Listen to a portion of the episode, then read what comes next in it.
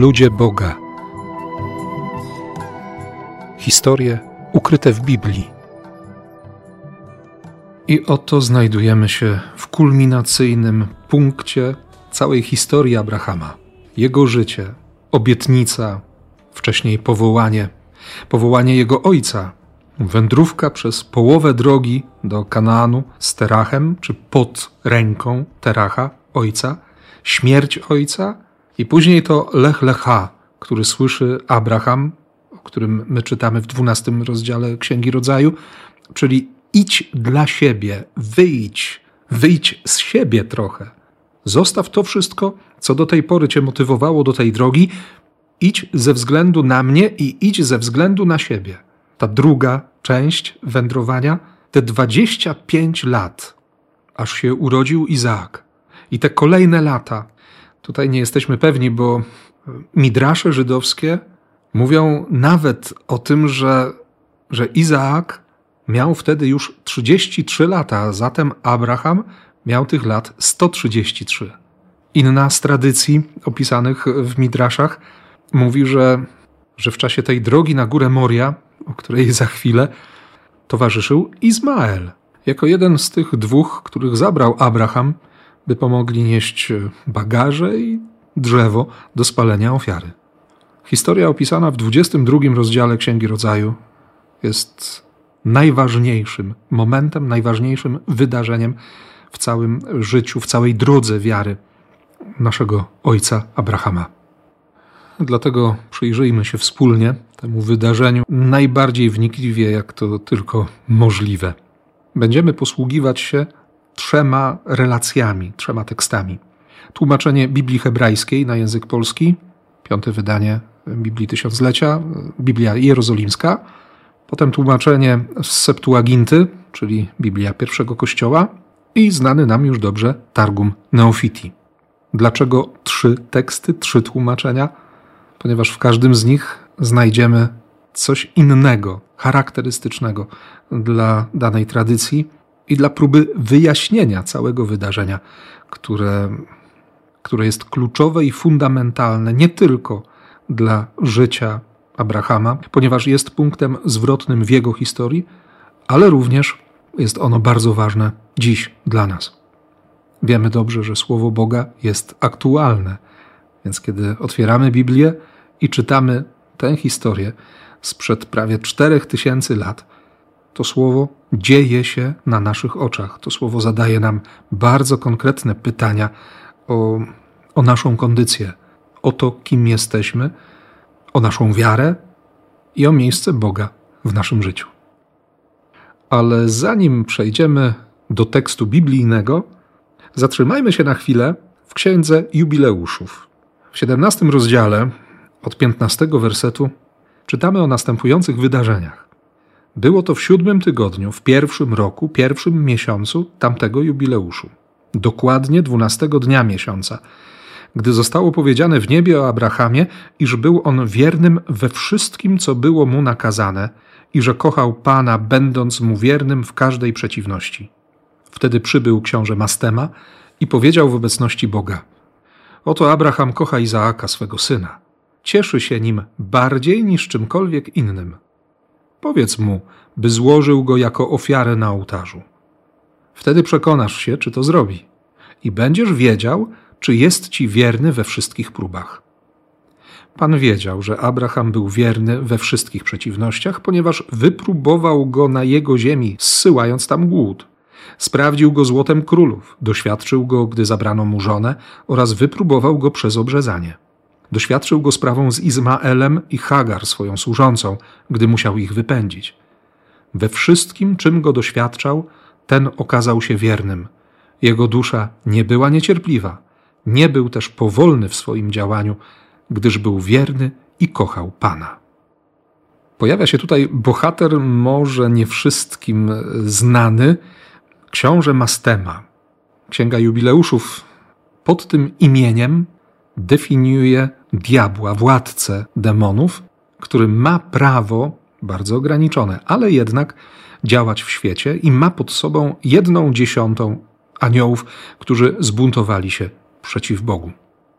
demon staje przed Bogiem i mówi, że Abraham kocha swego syna Izaaka tak jak Boga, czyli popełnia idolatrię, a nawet cieszy się Izaakiem bardziej niż czymkolwiek innym.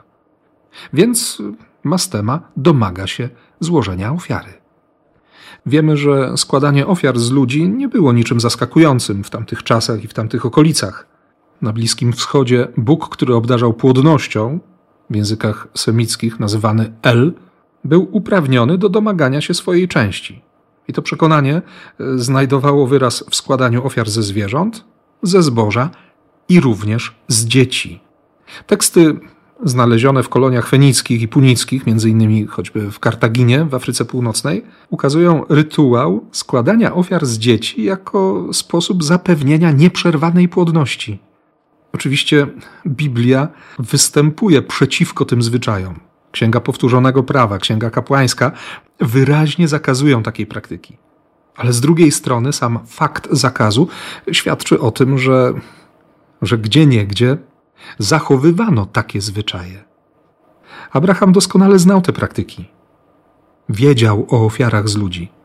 I jeśli przeczytamy, a za chwilę to zrobimy, początek 22 rozdziału Księgi Rodzaju, relacja biblijna nie posiada żadnej wzmianki o jakimkolwiek zaskoczeniu Abrahama. Natomiast to, co wydarzy się później, jest zaskakujące i wyjątkowe. Ale po kolei.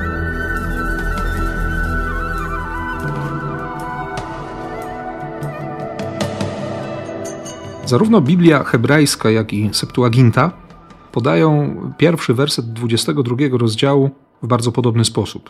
Po tych wydarzeniach Bóg poddał Abrahama próbie. Zawołał na niego: Abrahamie, Abrahamie. On odpowiedział: Jestem tu, albo według Biblii hebrajskiej: Oto jestem. Wtedy Bóg się odzywa: Weź swojego umiłowanego syna Izaaka, którego tak bardzo kochasz, i idź do krainy wysoko położonej. Lub w Biblii Tysiąclecia, w Biblii Jerozolimskiej, weź Twego syna jedynego, którego miłujesz, Izaaka, idź do kraju Moria i tam złóż go w ofierze na jednym z pagórków, jaki Ci wskaże. Warto od razu wspomnieć, że, że jedyną informacją na temat położenia kraju Moria jest to, że znajduje się on w odległości trzech dni drogi od Berszeby. Oczywiście ta liczba może być e, zwyczajną, tradycyjną miarą, która oznacza czas podróży. Nie podano, w jakim kierunku udał się Abraham, i właściwie nie wiadomo, jak daleko było to miejsce, na którym Abraham miał złożyć w ofierze swojego syna. O kraju Moria, o tym miejscu, mamy jeszcze jedną wzmiankę w Biblii. To Księga Kronik, pierwszy werset trzeciego rozdziału. Góra Moria, czy kraina Moria, to miejsce, na którym Salomon wybudował swoją świątynię. Ale nie znajdziemy żadnej aluzji na temat Abrahama, ani żadnej wzmianki o ofierze z Izaaka. Za zbieżnością nazw przemawia jeszcze jeden fakt. Wzgórza wokół Jerozolimy są bardzo zalesione. Abraham wcale nie musiałby zabierać drewna, żeby spalić ofiarę. Prawdopodobnie jest to zwykła zbieżność nazw. Z drugiej strony, niektórzy ojcowie Kościoła identyfikują wzgórze, górę Moria z Golgotą, budując bezpośredni most między obrazem złożenia ofiary z baranka, który stanowi wyraźne odwołanie do Chrystusa. Baranek jest znakiem Chrystusa, który oddaje życie za życie każdego człowieka, za życie każdego z umiłowanych dzieci. Ale chciałbym zwrócić Waszą uwagę na jeszcze jedną wzmiankę, którą znajdziemy w pierwszym wersecie tego rozdziału, 22 rozdziału Księgi Rodzaju, w Targumie Neofiti. A po tych wydarzeniach Pan wystawił Abrahama na dziesiątą próbę. Księga Jubileuszów wzmiankowała w tej rozmowie księcia Mastemy, demona, z Bogiem o przekonaniu Boga, że Abraham pozostanie wierny, bo został już poddany wielu próbom. Tradycja rabiniczna mówi o tym, że Abraham został poddany dziesięciu próbom. Widzimy tutaj oczywiste nawiązanie do historii, która wydarza się kilkaset lat później. Dziesięć klęsk, których doświadcza Egipt, gdy nie chce wypuścić synów Izraela. To są klęski, które spotykają demona bo faraon jest znakiem diabła, który trzyma w swoich szponach, w swoich kleszczach, w swojej niewoli dzieci Boże. Co się dzieje jeszcze w Targumie Neofiti? Jak on relacjonuje te wydarzenia? Pan wystawił Abrahama na dziesiątą próbę, rzekł do niego Abrahamie. Abraham odpowiedział w języku sanktuarium, czyli w języku hebrajskim, i rzekł mu: Oto jestem. A on, Pan, powiedział: Weź proszę twego syna jedynego, którego miłujesz, Izaaka, idź do kraju góry Moria i tam złóż go w ofierze na jednym z pagórków, które ci wskażę. I właściwie ani Biblia hebrajska, ani tłumaczenie Septuaginty, ani Targum Neofiti nie kwestionują posłuszeństwa Abrahama, który wstaje rano, siodła swojego osła, zabiera dwóch niewolników lub dwóch młodych ludzi, w zależności od e, tłumaczenia, bierze swojego syna Izaaka, bierze również porąbane drzewo do spalenia ofiary i rusza w drogę. Ta dziesiąta, według tradycji rabinicznej, próba ma być próbą ostateczną. Wiara Abrahama cały czas wzrasta, dojrzewa. Ona gdzieś błądzi, zatrzymuje się również. Znamy dobrze historię ojca wiary, wiemy w jaki sposób próbował też kombinować, by obejść nieco te obietnice Boże, których spełnienia nie widział. Widzimy konkretną drogę od poczucia, że Abraham nie ma absolutnie nic do stracenia. Pochował swojego ojca, kiedy słyszy lech lecha, idź dla siebie, umrzyj dla tego wszystkiego, co, co jest za tobą, w czym tkwisz, umrzyj dla swojej przeszłości, Abraham po prostu zabiera się i idzie. Potem mamy ten etap wiary handlowej, bo zaczynają się pojawiać jakieś korzyści. Jest błogosławieństwo, są pewne profity w Egipcie, są skarby ze strony Abimeleka, są łupy z wojny z pięcioma królami. Abraham widzi to jako błogosławieństwo Boga. Dostrzega, że tak zwyczajnie opłaca mu się iść za Panem. My dzisiaj możemy mówić o tej wierze w kontekście tak zwanego zakładu Pascala. Oczywiście w próbie Abrahama, w tym doświadczeniu wiary, nie chodzi tyle o zakład Pascala, co, co właśnie o budowanie relacji, o to, co jest e, tak bardzo istotne i tak łatwo wymykające się nam, dzisiaj, ludziom współczesnym, kiedy mówimy o wierze, kiedy mówimy o Kościele, kiedy, kiedy mamy szansę zbudować relacje z Bogiem. Midrasz e, Bereshit Rabba, który omawia Księgę Rodzaju werset po wersecie. Zbiór wszystkich tych midraszy został wydany w języku hebrajskim w 11 tomach. Pokazuje on całą perspektywę Starego Testamentu. I próbuje też oczywiście poszerzyć tekst, bo, bo chodzi o wypełnienie i wyjaśnienie tych domysłów, które mogą się pojawić podczas lektury pierwszego przymierza.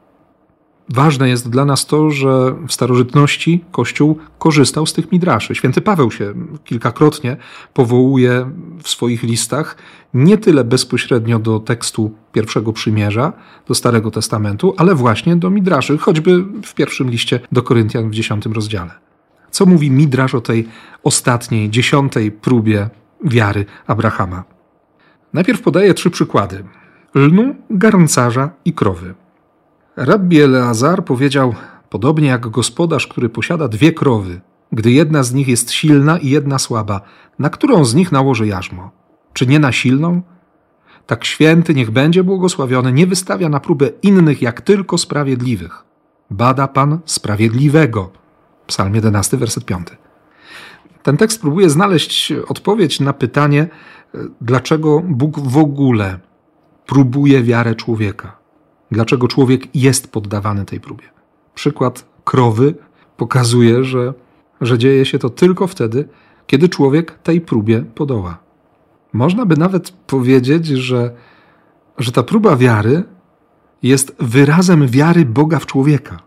Oczywiście my najczęściej wtedy mówimy, dlaczego ja, dlaczego mnie to spotyka, przecież inni są gorsi.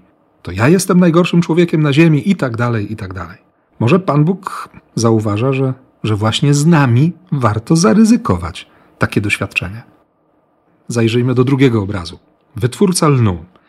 Kiedy jego len jest niedobry, nie muci go już więcej. Dlaczego? Bo len zostałby połamany. A kiedy len jest piękny, muci go tym więcej. Dlaczego? Żeby był jeszcze piękniejszy i jeszcze kosztowniejszy. Tak święty, niech będzie błogosławiony, nie wystawia bezbożnych na próbę. Dlaczego? Ponieważ by się nie ostali. Jak to jest napisane w księdze Izajasza w 57 rozdziale. Bezbożni zaś są jak morze wzburzone, które się nie może uciszyć, którego fale wyrzucają muł i błoto. Ten obraz też przemawiał bardzo, bardzo mocno do wyobraźni słuchaczy. Im lepszy len, tym bardziej trzeba go mucić. Jeśli len jest kiepski i łamliwy, to nie warto z nim w ogóle czegokolwiek robić.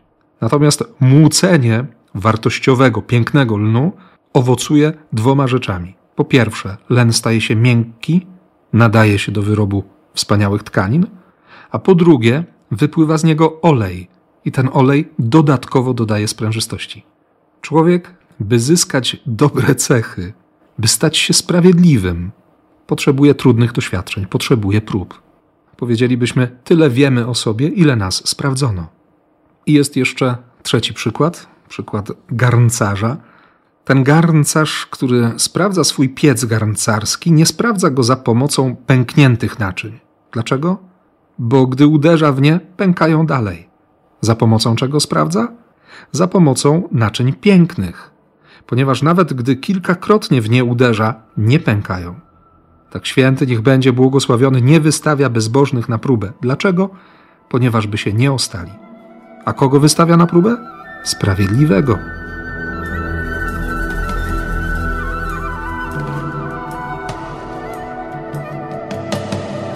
Oczywiście o tej konieczności doświadczeń, rozmaitych prób będziemy czytać także w Nowym Przymierzu. Święty Piotr w swoich listach, święty Paweł, święty Jakub. Wszyscy autorzy są zgodni, że, że próby są koniecznością i że Bóg nigdy nie wystawia na próbę większą niż człowiek potrafi znieść. Ojcowie pustyni mówili, że gdyby Bóg nam odebrał pokusy i próby, to nikt nie zostałby zbawiony, bo człowiek niewypróbowany nie wejdzie do królestwa. Wystarczy zajrzeć do sceny zapisanej w drugim rozdziale Ewangelii Łukasza, kiedy Józef i Miriam przynoszą małego Jezusa do świątyni. Drogę im zastępuje Symeon, bierze Jezusa na ręce, podnosi go, widać bezbrzeżną radość i nagle w błogosławieństwie Symeon zwraca się do Maryi. On będzie znakiem, któremu będą się sprzeciwiać. Ten zewnętrzny sprzeciw pokazuje, kim jestem. Jezus po to doświadcza kuszenia demona na pustyni w czasie czterdziestodniowego okresu postu, by sprawdzić.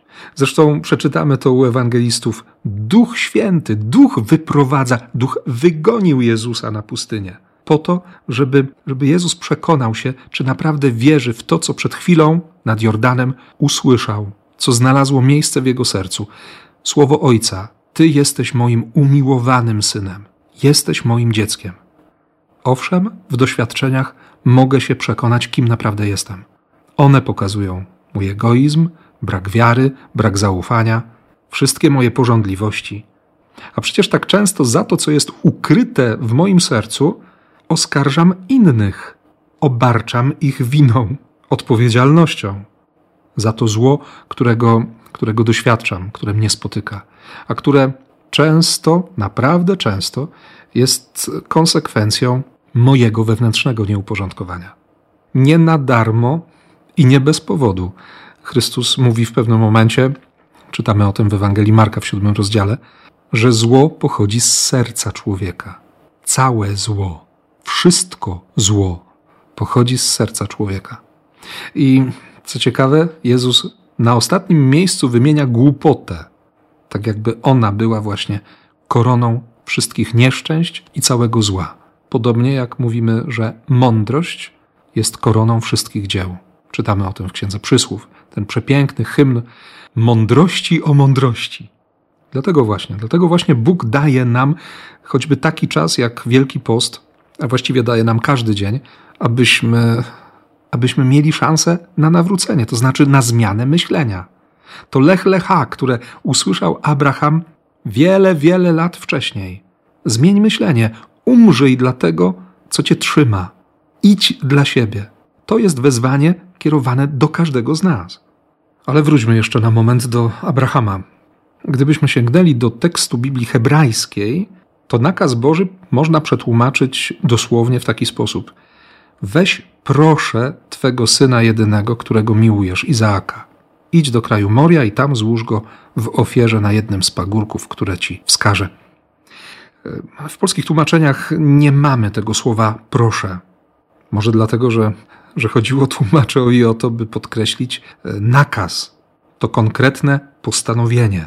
Natomiast Ojciec Niebieski w stosunku do Abrahama posługuje się tym samym zwrotem, który Jezus, jego syn, będzie często używał w rozmowach z ludźmi, jeśli chcesz. Bóg naprawdę do niczego nas nie zmusza. Bóg szanuje naszą wolność. Cała ta scena, którą nazywamy w języku hebrajskim akeda, związanie, ma swoje źródło właśnie w Lech Lecha. Wyjdź dla siebie, idź. I znów mamy moment niepewności. Tak jak na początku, w dwunastym rozdziale Księgi Rodzaju, Abram usłyszał: Idź, idź dla siebie, do kraju, który ci pokażę. Ja dopiero ci to pokażę, ja ci obiecuję, ale zobaczysz ten kraj za jakiś czas. Teraz jeszcze nie wiesz i wiedzieć nie będziesz. Nie teraz, przyjdzie czas. Abraham słyszy dokładnie to samo słowo, to samo wezwanie, teraz, po latach. Idź, idź proszę i ofiaruj swojego syna. Pokażę ci miejsce, poprowadzę cię tam.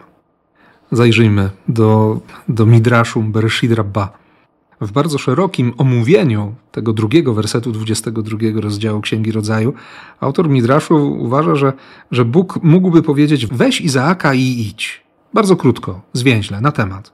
Ale zadaje pytanie: po co tyle słów?